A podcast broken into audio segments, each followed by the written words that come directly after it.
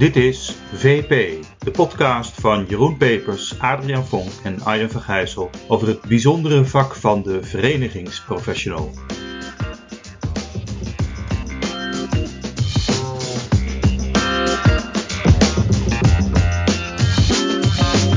Luisteraars, hartelijk welkom bij alweer een nieuwe podcast waarin we iets nieuws gaan doen. U was van ons gewend dat we zo'n beetje elke aflevering een eminente verenigingsprofessional interviewden over een vak en een branche. Maar mannen, vandaag pakken we het toch net even iets anders aan. Hè? Ja. We, gaan, we gaan maandelijks het gesprek aan ja, ja, met onszelf. dus eigenlijk is de vraag, behoeven wij nou nog introductie? Ik denk bijna niet, denk ik. Maar, Maar zeg nog even wie je bent. nou ja, Jeroen eh, Pepers, eh, verenigingsprofessional en in het dagelijkse leven directeur van Edes. Adriaan. Ja, en eh, ja, Adriaan Vonk, ook verenigingsprofessional. Ook werkzaam bij Edes, maar hiervoor voor Edes ook bij veel verenigingen in de keuken mogen kijken. Eh, als adviseur en interimmer voor, eh, voor nou, verschillende brancheverenigingen. En nou ja, goed voor de luisteraar om te weten dat wij natuurlijk met elkaar het boek hebben geschreven over de vereniging.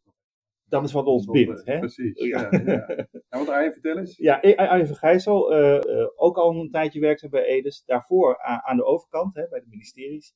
Dus eh, als het gaat om belangenbehartiging, weet ik met wie ik te maken heb. Als we nou zeggen dat we met elkaar het gesprek aangaan, hè, dan kunnen we een beetje duiden wat voor rubrieken we gaan doen. Nou, we gaan eh, beginnen met iets wat ons verbaast. Positieve verbazing. Oh, afgelopen tijd. Gewoon, Afgelopen ja, tijd, ja. Ja, ja. En dan? Nou ja, dan, dan eh, toch een beetje inzoomen op een, op een soort thema van de maand. Dat willen we natuurlijk wisselen. Hebben we vandaag een thema, Adriaan? Volgens mij, Jeroen, jij had iets over een lees, leesclub, toch? Ja, we gaan heel eh suf, eh macramé in de leesclub gaan we iets Ja. over vertellen. Ja, nou, dat, dat kan ook bij de verbazing Ik, ben erg benieuwd. Volgens mij gaan we nu al de rubriekverwarring toepassen. Ja, maar, ja. maar goed. En, en de derde rubriek is dan? Nou, waar we naar uitkijken, toch? Ja, De blijde verwachting. De blijde verwachting. Ja, Ja. ja. Wat, wat verwachten we de komende periode wat op ons eh, pad komt als verenigingsprofessionals? En eh, nou, wat zou een leuke tip zijn voor, eh, voor jullie eh, als luisteraar? Volgens mij is er geen tijd te verliezen. Laten we starten met de verbazing. Dus die eerste rubriek. Eh eventjes, eh, hè, eventjes inventariseren. Eh, welke actuele verenigingsthema's zagen jullie de afgelopen weken in het nieuws passeren? Jeroen? Nou, ik wil even stilstaan bij de politieke beschouwingen. En er zijn er een aantal dingen wat ik eruit wil lichten. Ja. Ehm, maar misschien is dat wel aardig om zo meteen te starten met een kort interviewtje met, met een lobbyist. Ja. Dat, eh, maar dan, dan ga ik daar nog op reageren. Ja, Dat, eh, goed. Oké, dus we zijn aan het inventariseren. Ik luisterde eh, een week geleden naar een concurrerende podcast. Moet je altijd doen, raad ik aan. Welke? Welke? eh, Eh, onder planologen. Oké. Onder planologen. Maar ik werd verliefd op een dame. Oké. En dat kan, dat kan ik toelichten. En Oh, Adriaan, dat- jij? Dat, dat klinkt al interessant, ja. Nou, deze week was in het nieuws dat ziekenhuizen weer eh, patiënten gaan herverdelen. Dus de coronacijfers nemen allemaal weer toe. En toen moest ik denken aan het feit dat, dat die ziekenhuizen pas onderling, eh, of, of- of- of recentelijk onderling data zijn gaan delen. Over Ja. bijvoorbeeld hoeveel bedden ze vrij hebben. Nou, dat, dat vond ik toch wel een hele opvallende, nou, veranderkundig als je daarnaar kijkt, eh, interessant. Dat je pas echt in zo'n crisis data gaat delen. Terwijl Ja. je toch denkt van joh, dat is toch zo voor de hand liggend. Waarom gebeurt dat dan niet eerder? Wat gaan we doen? Gaan we alle drie behandelen? Gaat denk het lukken, wel. hè? ik Denk het wel. Eh, la- ja. Zullen we eerst beginnen met, dat, eh, met een instartje op eh, Richard. Richard Bos, onze belangenbehartiger, die, eh, die heeft ook een opvatting over hoe de algemene politieke Ja. beschouwingen zijn gelopen. Ja. En ons is dan van, eh, van Edes, hè? daar werkt Richard. Daar werkt hij voor. Ja. Dag Richard. Hey Arjen! Hey Richard, jij bent lobbyist voor de woningcorporaties. En nou zaten wij eh, eens te praten over de algemene politieke beschouwingen die net zijn geweest. En we vroegen ons af, hoe zijn die algemene politieke beschouwingen nu er inmiddels, wat is het, 18 partijen in de Kamer zijn? Is dat nou heel anders dan andere jaren? Eh, ja, ze duren steeds langer, hè? maar zonder gekheid. Ze zijn wel anders, maar dat heeft vooral te maken nu met de status van het kabinet. De Kamer die zegt eigenlijk dat het kabinet nu niet aan zet is. Dus, zeggen ze, is de Kamer aan zet. En dus is er van alles mogelijk. En dat was ook een beetje de, de, de sfeer die er heerste net voor de algemene beschouwingen. Want toen zag je bijvoorbeeld ook dat partijen als de ChristenUnie en D66 ineens mee gingen stemmen met een motie om bijvoorbeeld de zorgsalarissen te laten stijgen. Daar, eh, ja, daar was natuurlijk geen dekking voor, dus dat moest wel allemaal nog eh, opgelost worden. Eh, en in die zin kwam er een soort van muiterij op de bounty. Dus zijn. Kon jij daar iets betekenen? Het was wel een moment dat je natuurlijk erbij moest zijn. Want veel partijen in de Kamer hadden al aangegeven dat ze af wilden van die vermalendijde verhuurderheffing. En daar is nu toch wel ehm, eh, ja, handig gebruik van gemaakt door ChristenUnie en CDA ook, denk ik. Eh, door in die motie eh, op te nemen dat de verhuurderheffing met eh, 500 miljoen euro verlaagd eh, zal Dat is een worden. kwart, hè? Dat is een kwart ongeveer, geloof ik. Ongeveer een kwart, ja. Ik geloof dat daar da- bijna eventjes een, een sigaar uit eigen doos dreigde. Omdat Ja, dat gezegd dat de financiering uit eh, de, de VPB moest komen en ATAT. En dat is nou net waar corporaties heel zwaar in zitten, hè, geloof ik. Ja, klopt. De, de motie die, die gaf allerlei eh, zaken als de verhuurderheffing omlaag, maar ook de salaris in het onderwijs verbeteren. Defensie kreeg nog geld, er kwamen eh, BOA's eh, en wijkagenten. Er kwamen alle- allerlei bedragen ineens eh, in te staan, ter waarde van 2 miljard in totaal. Je, je moet altijd een dekking hebben. Ze hadden dus die dekking wel ook in die motie opgenomen, maar die woningcorporaties betalen een groot deel van die maatregel. Dus als wij inderdaad 500 miljoen euro lagere heffing krijgen en vervolgens aan de andere kant weer een paar honderd miljoen euro extra aan eh, belasting moeten gaan betalen, ja, dan zijn we natuurlijk in de aap gelogeerd. En gelukkig hadden wij dit wel aanzien komen al eerder dat die, eh, die verandering in, in die belastingwetgeving zou komen. Eh, en hadden we Kamerfracties ook al voor gewaarschuwd. En in die motie is vervolgens opgenomen, oké, er wordt dan wel aangescherpt, die belastingmaatregel. Maar woningcorporaties worden gecompenseerd hiervoor. En, en heb je dat gedaan door goede voorbereiding en voorgesprekjes? Of heb je op het moment zelf daar ook nog een beetje op zitten duwen en trekken? Combinatie, maar vooral het goede voorwerk. Als, als lobbyist ben je natuurlijk uh, al tijden bezig met wat kan er komen, wat dreigt er mogelijk in, uh, aan ontwikkelingen in belastingwetgeving. Nou, daar hadden we Kamerleden al voor gewaarschuwd dat dat, als dat wordt gedaan, uh, corporaties zou gaan raken. Maar, maar goed, een beetje druk probeer je altijd nog met wat appjes en zo wel, wel op te zetten. En toen jij s'avonds naar huis ging, hoe, hoe voel je je dan? Het is toch 500 miljoen euro die je eventjes van die heffing afhaalt, waar we natuurlijk al jaren tegen strijden als woningcorporatie. Uh, aan de andere kant is het maar een kwart. Dus ik had een heel goed gevoel van, nou, dit is toch een, een waanzinnige uh, verlaging. Uh, dus het is echt heel veel geld. Maar tegelijkertijd is er nog steeds een enorme heffing die er helemaal af zou moeten om corporaties weer de dingen te kunnen laten doen die ze horen te doen voor betaalbare woningen. nou ja, dus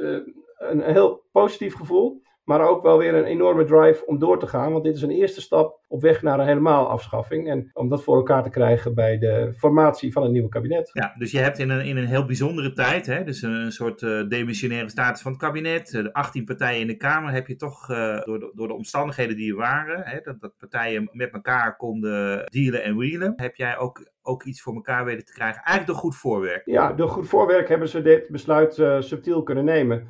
En zijn wij niet uh, met een sigaar in eigen doos uh, afgeserveerd. Hartstikke goed. Ik, uh, ik, dank je hartelijk voor dit inkijkje. Leuk. Nou, graag gedaan Arjen. En als je nog eens wat wil weten, dan weet je me te vinden. Ja, dankjewel. Jo, dag. Ja, Jeroen. ja nou ja, ik, de, de, Richard had deze observatie natuurlijk, hè, dat snap ik. Ik had zelf ook nog een aantal andere opvallende dingen. Um, dat is eigenlijk als eerste, we hebben natuurlijk nu te maken met een formatie die vrij lang duurt. Hè. Um, allemaal wel bekend. Dat, dat levert echt wel een probleem op. Niet alleen met de politieke beschouwingen, maar ook eigenlijk wel voor brancheorganisaties. He, dus men heeft gepiekt richting de verkiezingen om op tijd met maatschappelijke agenda's en andere wensenlijstjes uh, op, op, voor de dag te komen. Hebben de brancheverenigingen gedaan, ja. Hebben brancheverenigingen gedaan, is ook allemaal gelukt. Netjes op en, tijd. Ja. Op tijd en vervolgens laat die politiek het erbij zitten ja. uh, door allerlei gedoe. Ja. Um, en dan zie je dat dat toch uh, langzaam een beetje weg hebt. En die urgentie van die maatschappelijke agenda's en wensenlijstjes, die neemt tot af. En dan heb je een probleem met je timing. Nou, dan, dan blijkt dus na de zomer dat nog steeds het uh, allemaal niet uh, gelukt is. En dan zijn er opeens wel politieke beschouwingen over een begroting. Nou, dat, dat levert al een spanning op. Dan krijg je vervolgens te horen, die politieke beschouwingen en die begroting zijn beleidsarm. Maar blijkt er vervolgens nog voor miljarden aan vertimmerd te gaan worden. Dus hoe beleidsarm is dat nou? Dat levert in ieder geval voor brancheorganisaties een klem op. Wat, Jeroen heeft tussendoor, wat is, wat is de klem precies? Nou, de klem is dat je eigenlijk met een boodschap voor vier jaar en langer uh, hebt gezegd van dit is een nodige nieuwe kabinetsperiode. Je krijgt vervolgens een begroting die nog heel weinig laat zien van dat, uh, van dat nieuwe beleid, omdat nog men, ja. uh, men is aan het formeren. En in één keer is er handgeld en dan blijkt ja. er 2 miljard te zijn en dat ja. wordt verhapstukt. Het wordt verhapstukt. Maar, maar, maar via, via bestendig beleid uh, volgt er niet uit. Nee, dus moet je dan blij zijn met handgeld wat je krijgt of, of blijf je je grote verhaal vertellen? Nou, die, die klem. Mhm. Nou, in dit geweld van beleidsarme begrotingen kwam begin september kwam er een, een plan van ChristenUnie, CDA en GroenLinks met een aantal brancheorganisaties en gezondheidsorganisaties en milieuorganisaties het nationale isolatieprogramma. En nou is het opvallende dat het demissionaire kabinet vervolgens aankondigt dat een groot deel van dat isolatieprogramma gewoon in het beleid zit. Het gaat over miljarden. Hè? Ja. En dat de componenten van het eh, nationale isolatieprogramma ook al in het beleid zitten.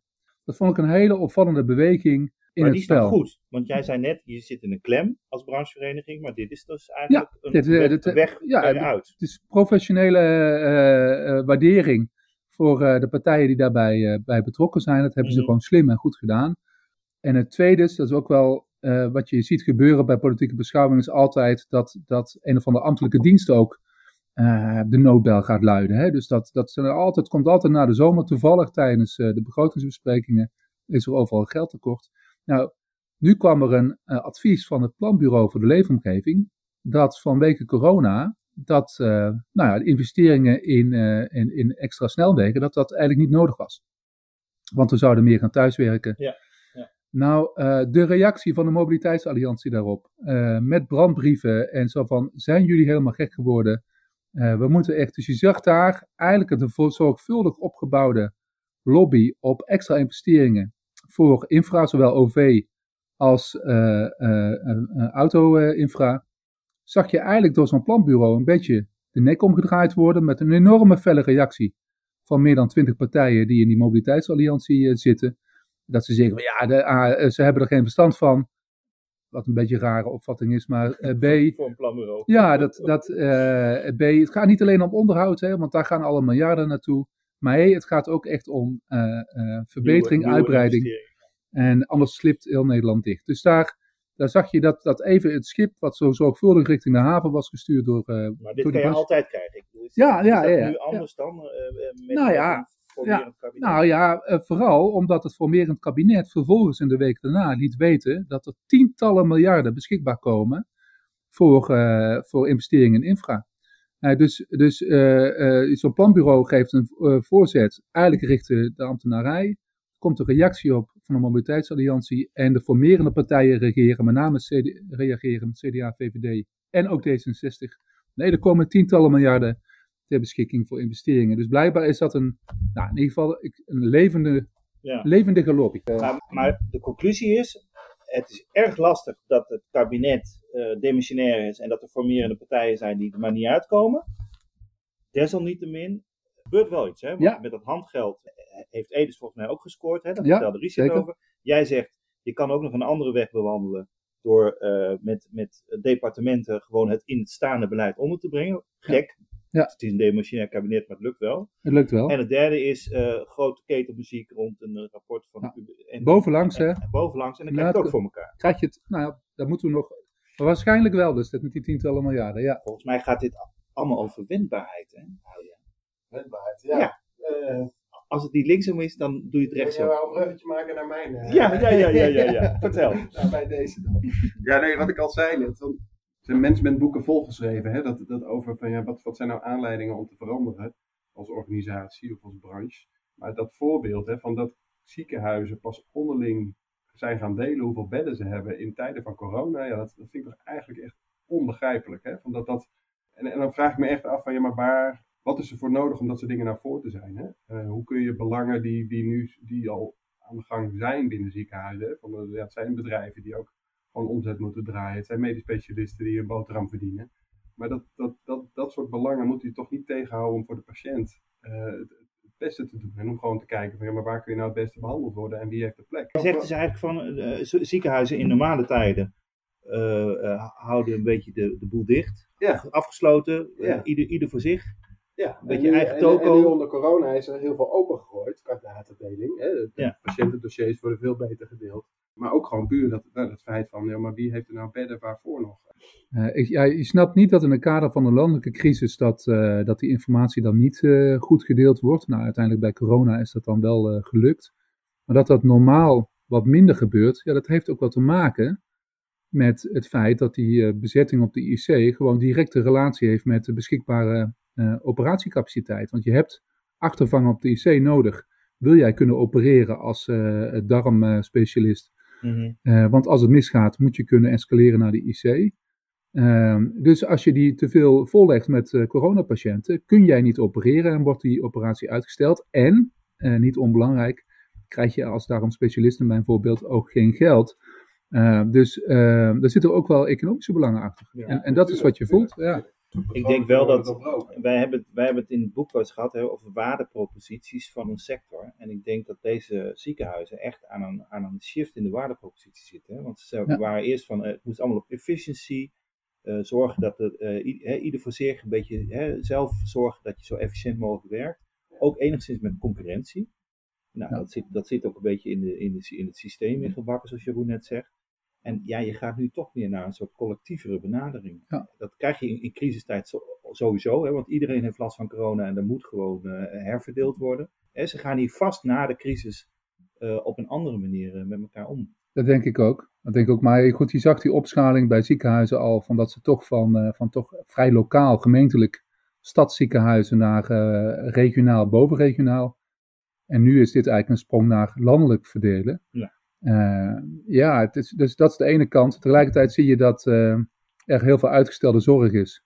En dat is wel pijn die in zo'n regio direct wordt gevoeld. En, en ja, daar, daar hebben ze dan geen boodschap aan in andere delen van het land. Dus, Nee, dus die spanning zit erin. Dus ik, ja, ik Ja, denk dat de kans eh, ook groot is dat ze terugveren uh, naar, naar het oude beleid. Ja. Nou, voor, de, voor de Nederlandse Vereniging van Ziekenhuizen is dit een mooie solidariteitsvraag. Ja, Ja, dat is, uh, mooie klus. Mooie klus. Maar Eh, Arjen, jij, ja, jij, ja. bent verliefd op een vrouw. Ja, eh. ik zou het hebben over die podcast, hè, onder, onder planologen. En daar is, eh, in een van die podcasts, daar spreekt mevrouw Riek Bakker. En dat is een mevrouw, en dat, kunnen wij niet zeggen, mannen. eh, die heeft echt een lemma op, op Wikipedia. Hè? Dus als je Wiek, Riek Bakker intikt, dan komt er gewoon een En wat staat Wikipedia-pagina er uit. dan? Nou, dat is dus de vrouw die dus gezorgd heeft voor eh, eh, de Erasmusbrug, de Zwaan. Die heeft ze belobbyd. En ze heeft dat hele project Kop van Zuid Eh, gedaan. En ze is ook nog eens een keer betrokken geweest bij de Phoenix-locatieontwikkeling van, de, van Leidse Rijn. Aha. Dus maar zij, eh, zij is dus een, een bekend en succesvol planoloog. ja, ja. ze noemt zichzelf geen planoloog. eh, ze is directeur stadsontwikkeling onder andere geweest. Maar zij is echt met ruimtelijke ontwikkeling, eh, ruimtelijke ordening bezig geweest. En wat nou interessant is, is dat wat mij opviel bij dat verhaal, het is één brok pit, één brok passie. Visionair, iemand die ook bijvoorbeeld echt gewoon bij, bij de Kop van Zuid heeft gezegd, een aantal mensen in een atelier zitten, binnen een half jaar met een plan komen. En ze zegt, eh, ik hoef niet bij die plannen betrokken te zijn, ik ga ze, ik ga ze, ik ga ze bevechten. Ik ga ze, dus zij is de lobbyist puur sang, een belangenbehartiger puur sang. Dus wat ze dan op een gegeven moment deed, was dan, ging ze met eh, de politiek praten, met, eh, ze zaten dik, de rechte lijntjes natuurlijk met Peper, hè, de, de toenmalige burgemeester Bram Peper. Ze had directe, rechtstreekse lijntjes met het Rijk. Ze, ze overlegde met de provincie. Zij was degene die zeg maar echt naar buiten ging en met iedereen overtuigde. Zij, zij ging het regelen. Zij ging het regelen. Ja. En ik denk ook dat dat nou echt wel een, eh, in, in planologie ruimtelijke ordening een succesfactor is. Gewoon de menselijke factor. Ja, dat je ja. dat soort types hebt die dat, die dat, die dat, die dat voor elkaar brengt. En waarom breng ik dat nou in dit kader, in het kader van onze podcast op? Ja, Eh, wij- Mooi verhaal. Ja, mooi verhaal. Maar wat, wat heb je? Nou, daar zit je verband in. nou, we hebben met eh 36 brancheorganisaties een actieagenda wonen Gemaakt. gemaakt. Ja. En daar zit een, eh, een hele brok eh, eh, daadkracht en, en, en inhoud in. En we gaan het allemaal doen. Maar ik denk dat we Riek Bakkers nodig hebben om het echt, echt tot uitvoering te krijgen. Ja. Nou ja, en, eh, en even voor uh, luisteren, net hadden we het over de mobiliteitsalliantie. Eh, ook, ook die hebben een soort Riek Bakker nodig om, eh, om het verder te helpen. Dus je hebt gewoon een sterke persoonlijkheid nodig die ervoor gaat. Eh, en die, die gewoon het, door eh, het alle voorzichtige muurtjes en eh, belangetjes eigenlijk met, een- met een visie, want volgens mij is dat ook in dit geval belangrijk. Een inspirerend Visie verhaal. met lef. Ja, Eh, ja. Ja, ik heb ooit, ik moet denken, misschien wel tien jaar geleden, toen is er een boek uitgekomen dat heette Best Persons. Dus we hebben het altijd over best practices. Practices, ja. maar eigenlijk was een beetje de stelling van de boek, Ja. tenminste dat heb ik eraan Ja, overgehouden. ja, ja. het, het, het delen van best, practices, ja, het is nuttig en, en moet je vooral doen, maar zonder die persons gaat het gewoon niet lukken. Hè? Dus je, je, je hebt een persoon nodig die dan in de eigen context, met eigen drive, dan zegt, ja, maar ik ga iets voor elkaar boksen. Ja. En eh, ja, je kunt delen wat je wil, maar als, als niemand mee gaat lopen, dan gaat het gewoon niet werken. Is een mooi bruggetje naar ons eh, thema van de maand. Ja. Want, Jeroen, Ja. we hebben het over boeken. Ja, we hebben het, nou ja, we hebben het eigenlijk over eh, ideeën en inzichten. En, en, dat, en dat hebben we. We hebben eh, binnen de eigen brancheorganisatie gezegd met een aantal mensen van laten we gewoon zorgen dat we gewoon de inzichten die in de buitenwereld zijn, in de wetenschap, bij denkers, dat we daar kennis van gaan nemen om te kijken of we daarmee verbindingen kunnen leggen met eh, datgene wat we dag in dag uit eh, doen. Gewoon heel belangrijk dat je eh, de Piketty's van deze wereld gewoon ja, daar kennis van neemt. Kijken of je het kan vertalen, of je het kan inzetten. Omdat je natuurlijk gewoon in je eigen tijd levert. En, en, en zo'n boeggolf van, van nieuwe inzichten, ja, daar moet je wel op, op weten te surfen. En dan moet je wel erbij zijn. En nou, we hebben dat uiteindelijk vormgegeven door vooral boeken daarover te lezen. En je zou ook gewoon, zeker als verenigingsprofessional, prima met een aantal podcasts eh, eh, goed op de hoogte kunnen zijn. Maar eh, wij denken toch dat met zo'n leesclubje, waarbij je toch met een boek echt op dieper inzicht komt. Nou, dat, dat, dat zijn we gaan doen. En ehm, Wat heb je gelezen dan? nou ja, wat, wat hebben we nou? We, zijn natuurlijk, we hebben een boek gelezen van Pieter Omzicht. Dat, dat laatste boek van hem over de, het nieuwe sociaal ja, contract. ja, ja, dat zegt wel iets over, over Den Haag en, en over de, de relatie tussen staat en eh, het Rijk en, en de burger.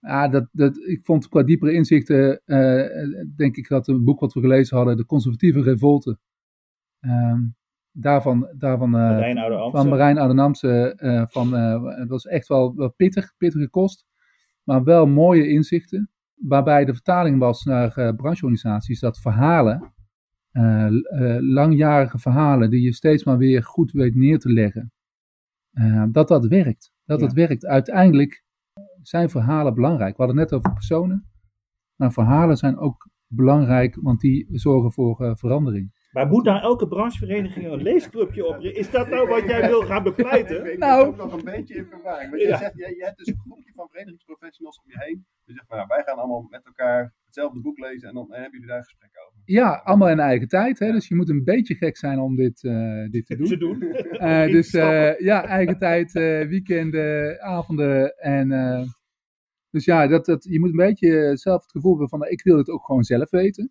Ehm, eh, en, en, en dan gaat het ook wel over boeken die, die niet direct, hè, het zijn niet de rapporten of zo die over je sector gaan. Nee, echt, het Die gaat- lezen we zelf al in, die in de al, basistijd. die lees je in de basistijd. Ja, Eh, ja. Dat hoort gewoon bij je werk. Maar nee, dit, dit is echt een beetje op het meterniveau daar, eh, daarboven. Om een beetje voeling te houden. Wat gebeurt er in, in eh, de maatschappij, maar in de wereld. Wat is volgens jou dan de noodzaak om dat als verenigingsprofessional te doen? Ik vind dat je de hartslag van de samenleving moet, eh, moet voelen eh, als je bij een vereniging werkt. En, Ja. en, dat, en dat, dat tikt natuurlijk bij Horeca Nederland anders eh, eh, eh, werkt dat uit dan bij Edis of bij Bouwen Nederland of weet ik veel. Maar er zitten gewoon vergelijkbare eh, connecties in. Nou, dat, dat, dat is echt wel. eh, ja. Ja, ik vind het als je, ik ben dan meer een belangenbehartigde lobbyist. Je moet weten waar ze het over hebben. En, en als je het gesprek met ze aangaat, wat natuurlijk veel gebeurt.